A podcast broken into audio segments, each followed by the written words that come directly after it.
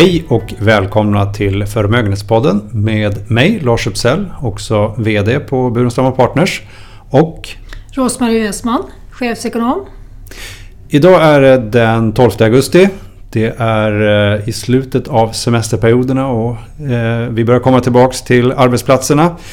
Och vi har haft en väldigt stark börsåterhämtning. Den har fortsatt under sommaren Rosmarie och eh, haft en återhämtning. Men vad, och det kommer vi väl komma in på idag. Men vad mer kommer vi komma in på?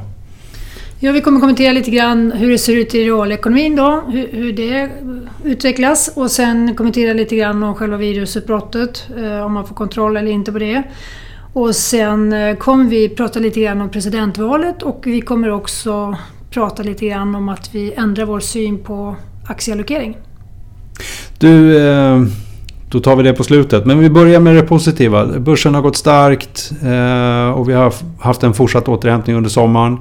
Eh, och hur ser verkligheten ut där under då? Är det lika positivt som börskurserna visar?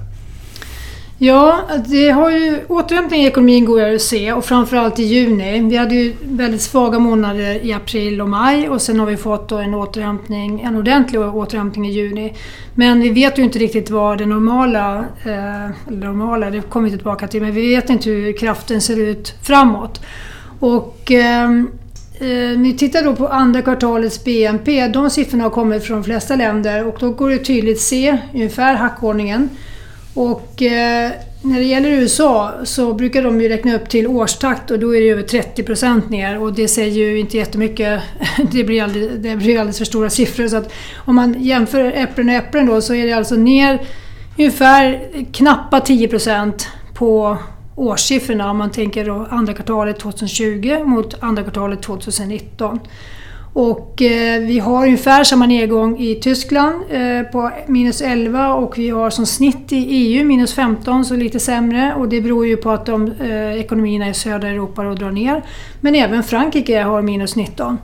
Och vi kan nämna att även då England som har haft ett eh, jobbigt utbrott här har minus 22. Den siffran kom idag. Så att eh, de ligger lika lågt som man gör i södra, södra Europa. Då. Mm. Om vi tittar på bolagsrapporterna som har kommit då. Vad, vad läser du ut av dem? Ja, de har varit mycket bättre än förväntat men de är ju i absoluta tal inte något bra förstås. Och eh, vi har väl siffror kring minus 30 procent. Eh, och det tror man ju då på helåret att det ungefär ska bli minus 10 procent. Men vad bolagen inte varit så tydliga med det är ju att de har eh, fått en del, del, hel del stöd för anställdas permitteringar och så vidare. Och det har man inte redovisat öppet. Man har sagt att det påverkar positivt men inte hur mycket. Så det är en faktor både här och i andra länder som påverkar då vinsterna i positiv riktning. Eh, men det har varit en väldigt stor andel. I USA tror jag det är uppåt 70 procent som har slagit förväntningar och det är mer än det normalt brukar vara. Eh, för det är ju ändå så. Det är konstruerat så att de flesta slår sina, slår sina prognoser eh, eftersom man håller nere då förväntningarna från bolagens sida. Sen har vi lite vaccinnyheter under sommaren då. Eh, de kom ju redan innan men det har förstärkts hela tiden. Eh, det är ett antal bolag, det är några i Europa, det är några i USA. Och man gör ju hela tiden de här bolagen med pengar. Man gör beställningar helt enkelt för att säkra upp då att man har det här vaccinet. Och då har man ju pratat om oktober-november och vet inte om det kommer hålla men man ser inte så mycket om det här logistikplaneringen för hur man gör när man vaccinerar stora delar av befolkningen. Det har vi inte sett i något land än egentligen. Eh, vad vi har sett är att Ryssland kommer ut och säger att de ska börja massvaccinera nu från och med nu. Och eh, det är ju då gjort på ett underlag som är väldigt litet. Man har inte kommit till fas 3 ens utan man gör detta efter fas 2 och säger att man är först i världen. Eh, så vi får se. Det kommer ju naturligtvis alla hålla ögonen på. Och, ja, Putin har eh, satt sin egen dotter som en av försökskaninerna här i början också. Precis. Ja. Så går det inte bra då kommer inte viljan att vaccinera sig bli så jättehög även om man kanske har ett större ja. tilltro till ett europeiskt vaccin än vad man har till ett ryskt. Vi får se vad som händer på vaccinfronten eh, och följa det nära. Men virusutbrottet det, det liksom pågår ju, fortsätter. Eh, vi ser väl globalt nu att det går ner lite grann men det beror mest på att USA går ner i vissa stater och i Europa så fortsätter det uppåt igen. Vad, Det här slår ju lite olika på olika branscher. Är det några specifika branscher som du liksom tittar närmare på som du tycker är lite bortglömda i det här? Jag tycker man ska lyfta fram framförallt att vi inte fick någon respit från eh, viruset. Det såg ju väldigt bra ut i Europa och jämför man siffrorna i USA och Europa nu så är det helt olika nivåer. Eh, USA har ju haft eh, över 70 000 per dag och i Europa kanske vi är under 10 000 per dag om man eh, lägger ihop alla länder. Så, så Europa har en större, liten ökad spridning nu men från en mycket lägre nivå. Då. Och, men jag tycker framförallt att det är, som jag sa, att vi fick ingen ingen respit. Eh, kanske var min förhoppning att vi skulle ha ett utbrott som höll på i tre månader eh, och sen skulle man få ett uppehåll under sommaren och så skulle man kanske få ett andra utbrott under vintermånaderna och då kanske det startar oktober-november. Ingen vet ju men det var i alla fall min gissnings som en ren amatör. Och, eh, och nu ser man då att eh, värmen har inte gjort någon skillnad utan vi har ju det här viruset eh, hela tiden pågående och vi ser i våra grannländer som Danmark och Norge har också fått nya utbrott då från extremt låga nivåer. De har ju varit väldigt förskonade och, och duktiga på det här tidigare. Då. Så eh, det gör ju att vissa branscher kommer inte igång helt enkelt och vissa verksamheter kommer inte igång och vi har ju globalt 10% av BNP är ju då relaterat till turistnäringar så att om det här håller på väldigt länge och utdraget då kommer också kostnaderna för detta öka. Eh, så behovet av rena stödåtgärder från regeringar kommer att öka men också den här situationen där man kanske överlever som företag två, tre månader men inte sex månader kommer också spela in här i höst. Och hur, en bransch som fastighetsbranschen då, kommer det här spilla över på fastighetsbranschen tror du? Ja, det tror jag att det kommer göra lite grann. Det har varit mycket eh, kommentarer tidigare under våren eh, att det inte kommer göra det. Och det är klart, hade det varit så här kortfristigt som två, tre månader så hade det säkert eh, inte påverkat. Men om det här nu blir mer bestående och man är beredd att lägga om hur man hanterar sina lokaler. Och vi vet ju att vi har en pågående butiksstöd eh, bland annat Stockholm. Mm. eh, och den kommer ju fortsätta och, och den, gör ju fri, den frigör ju lokaler. Och vi vet inte hur detaljhandeln klarar sig överlag så att säga. Eh, ännu heller. Och eh, det kan sprida sig även till kontor då om man lägger om hur man lägger kontor. Man kanske inte vill ha lika mycket i centrum längre, man har inte det behovet. Alltså vi vet inte riktigt hur, hur, eh, vad det får för, för bestående effekter men jag tror att man får mer av det här att man tänker om. Eh, det kommer som ett resultat att det håller på längre. Då kommer det liksom ge mer utrymme för att tänka lite mer långsiktigt hur det här påverkar och hur Själv, vill man jobba. Själva omställ, en omställning då? Mm. Mm. Men eh, vi hoppar till EU. Vi har ju pratat om den här återhämtningsfonden och det pratade vi om i förra podden att det blev inte av här på toppmötet i juni. Eh, men nu klubbades det i juli. Och det var väl en eh, tur det för EU för det kommer väl stärkta ur det här och större förtroende för EU framåt? Eller hur, hur var det viktigt? Ja, det var jätteviktigt tycker jag. Och eh, jag vet inte, jag vågar inte tänka på hur det hade blivit om de inte hade lyckats med det. För att eh, här var det ju ett politiskt kapital som stod och vägde. Alltså viljan att eh, samarbeta i Europa och att ta ett omtag då kring den här eh, gemensamma valutan. Eh, om man tittar på lite mer strategiskt kan man ju fundera i termer av att eh, var det nödvändigt att ha med de icke-euroländerna i detta? De ska betala. Och det är klart, många av de som är utanför är lite mer stadda i kassan, eh, men ganska små länder. Eh, så att nu, fick man, nu tvingar man dem att vara med och eh, det har väl en kostnad också på andra sidan. Det var ju, de, det var ju två länder, Sverige och Danmark, som inte tillhör euro då, som, som gick med på detta i slutändan. Men jag tycker för ehm, det långsiktiga arbetet i Europa var det väldigt viktigt och det var också väldigt viktigt att det blev ganska tuffa krav för att få pengar. Det var alls inte så att man bara kan äska pengar utan man måste också genomföra reformer.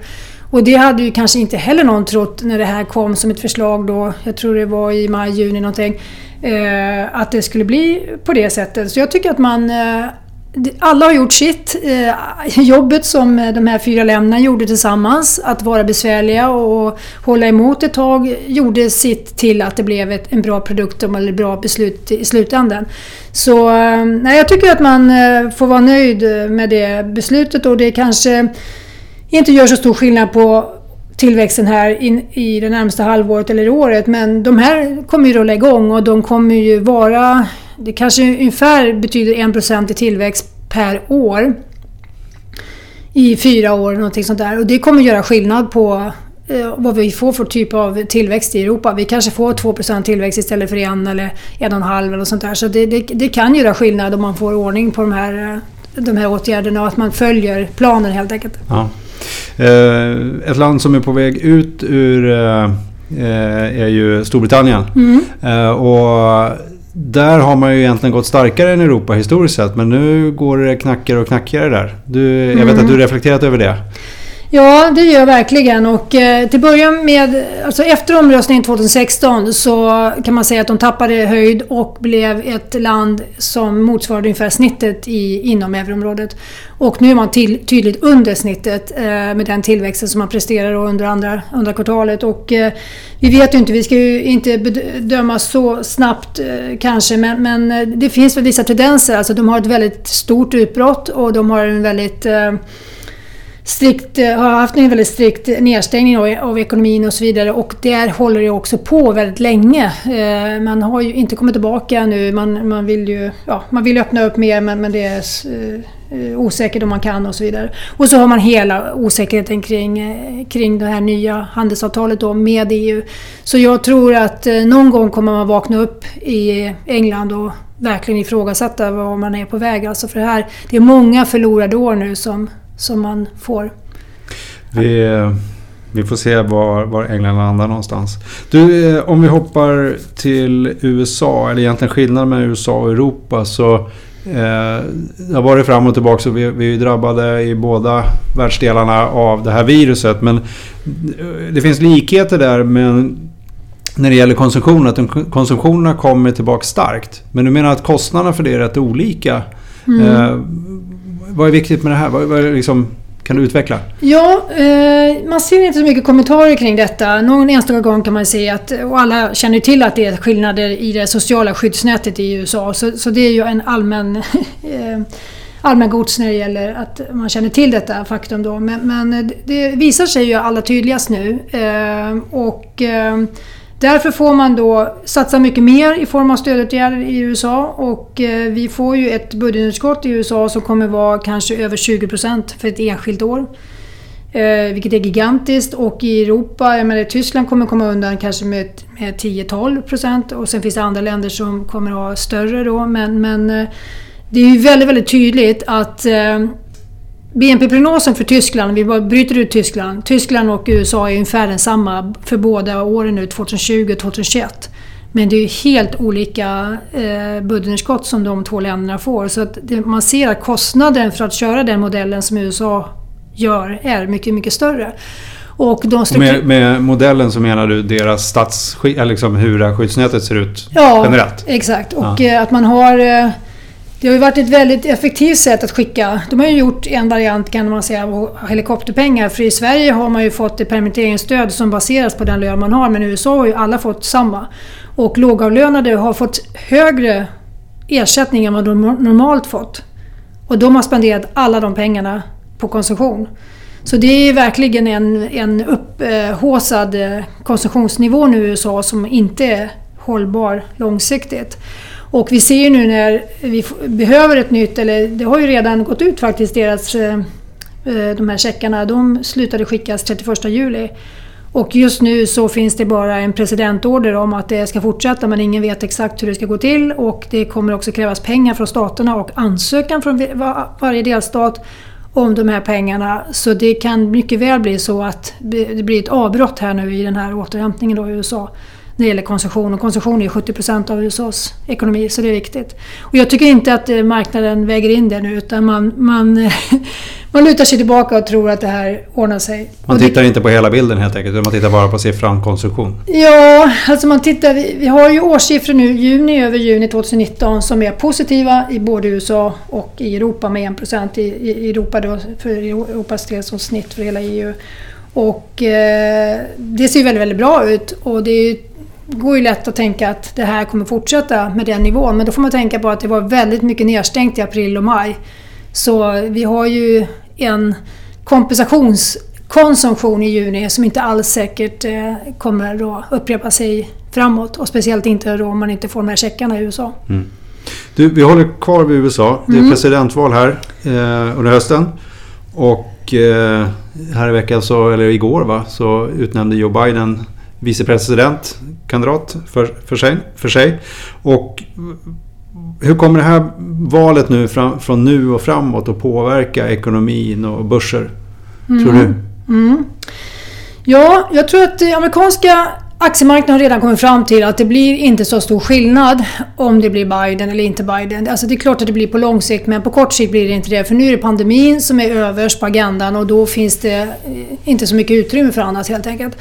Det tror jag har eh, lugnat marknaden för att hade man frågat kanske i våras då hade man eventuellt varit rädd för en demokratisk valseger för det är väldigt mycket reformer som man pratar om. Man kan ju säga att Demokratiska partiet har gått vänsterut under tiden här nu och det är väldigt mycket krav på reformer som kostar mycket helt enkelt långsiktigt. Och USA har ju redan ett underskott på 5% innan det här startar.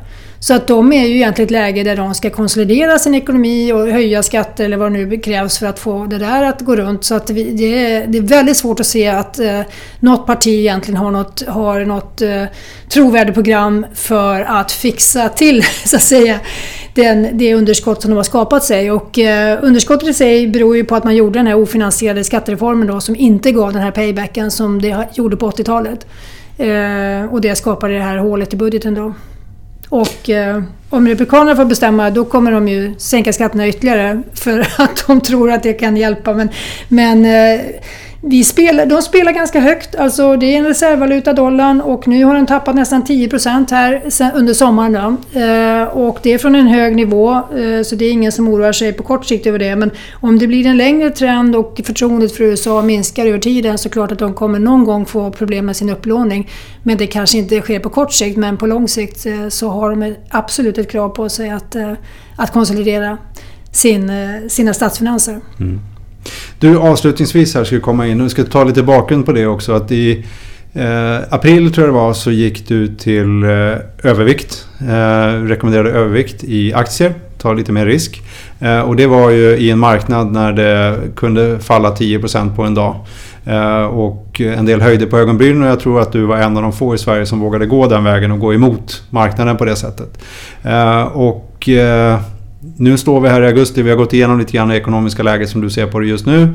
Och, men nu har du dragit slutsatsen till att ta tillbaka den här övervikten. Mm. Ska du... Det har jag gjort och dels är det en väldigt stor rörelse som är över 30% och det är ju väldigt bra avkastning på kort sikt. Och eh, om man har samma syn så kan man ju hålla det kvar i det naturligtvis. Men, men jag har lite grann blivit mer tveksam. Jag tycker osäkerheten har ökat. Min eh, tro som jag var inne på tidigare var ju att eh, virusutbrottet ändå skulle vara liksom lite mer begränsat i tiden och nu ser jag att det tar längre tid och det kommer behövas mer pengar. Och eh, tidigare har ju viljan att spendera pengar från politiskt håll varit ganska hög och det har funnits utrymme men nu blir både viljan mindre inför presidentvalet Eh, Republikanerna måste ju ändå signalera att de inte är lika frikostiga som Demokraterna för att göra liksom skillnad i programmen och så vidare. Så att det kan ju, om det går, eh, ja, om det går trögt där i USA nu så kan det bli så att det inte blir något eh, stödpaket förrän efter presidentvalet. Det kanske inte är min huvudtes men det skulle kunna bli så för att det finns liksom ingen vilja nu att samarbeta mellan partierna. Ehm, och i övriga världen så klart att det här frestar på. Och alla säger ju nu unisont att de inte ska stänga ner en andra gång och det har jag heller aldrig trott på. Men jag ser ju att den här, eh, det här viruset, närvaron av viruset eh, kommer ju påverka aktiviteter eh, längre tid än vad jag hade trott Eh, innan. Så att jag tycker det, det, är en naturlig situation nu med mycket osäkerhet. Presidentvalet är också osäkerhet. Det finns säkert investeringar, företag som avvaktar med investeringar tills presidentvalet är över. Alltså hela världen sitter ju nu och avvaktar. Det är mindre än 90 dagar kvar och jag tror att många avvaktar nu inför presidentvalet. Så att kan man sammanfatta med, för nu blir det ju neutralvikt, vi pratar ju inte om en undervikt här även om vi kanske pratar i negativa termer lite grann om det som händer. Men, utan mer neutralt. Mm. Man, eh, har man 50% aktier normalt sett så går vi ner till 50% aktier nu. Eller hur? Mm. Ja. Vi har 10% av vikten där ja, som ja. går ner. Mm. Ja. Eh, och det har varit en eh, bra resa för oss och, och våra kunder så att eh, vi får tacka för den rekommendationen som vi fick här i april. Eh, och med det tänkte jag att vi skulle avsluta för idag. Och tacka er lyssnare för att ni har lyssnat och på återhörande längre fram. Tack ska ni ha. Tack.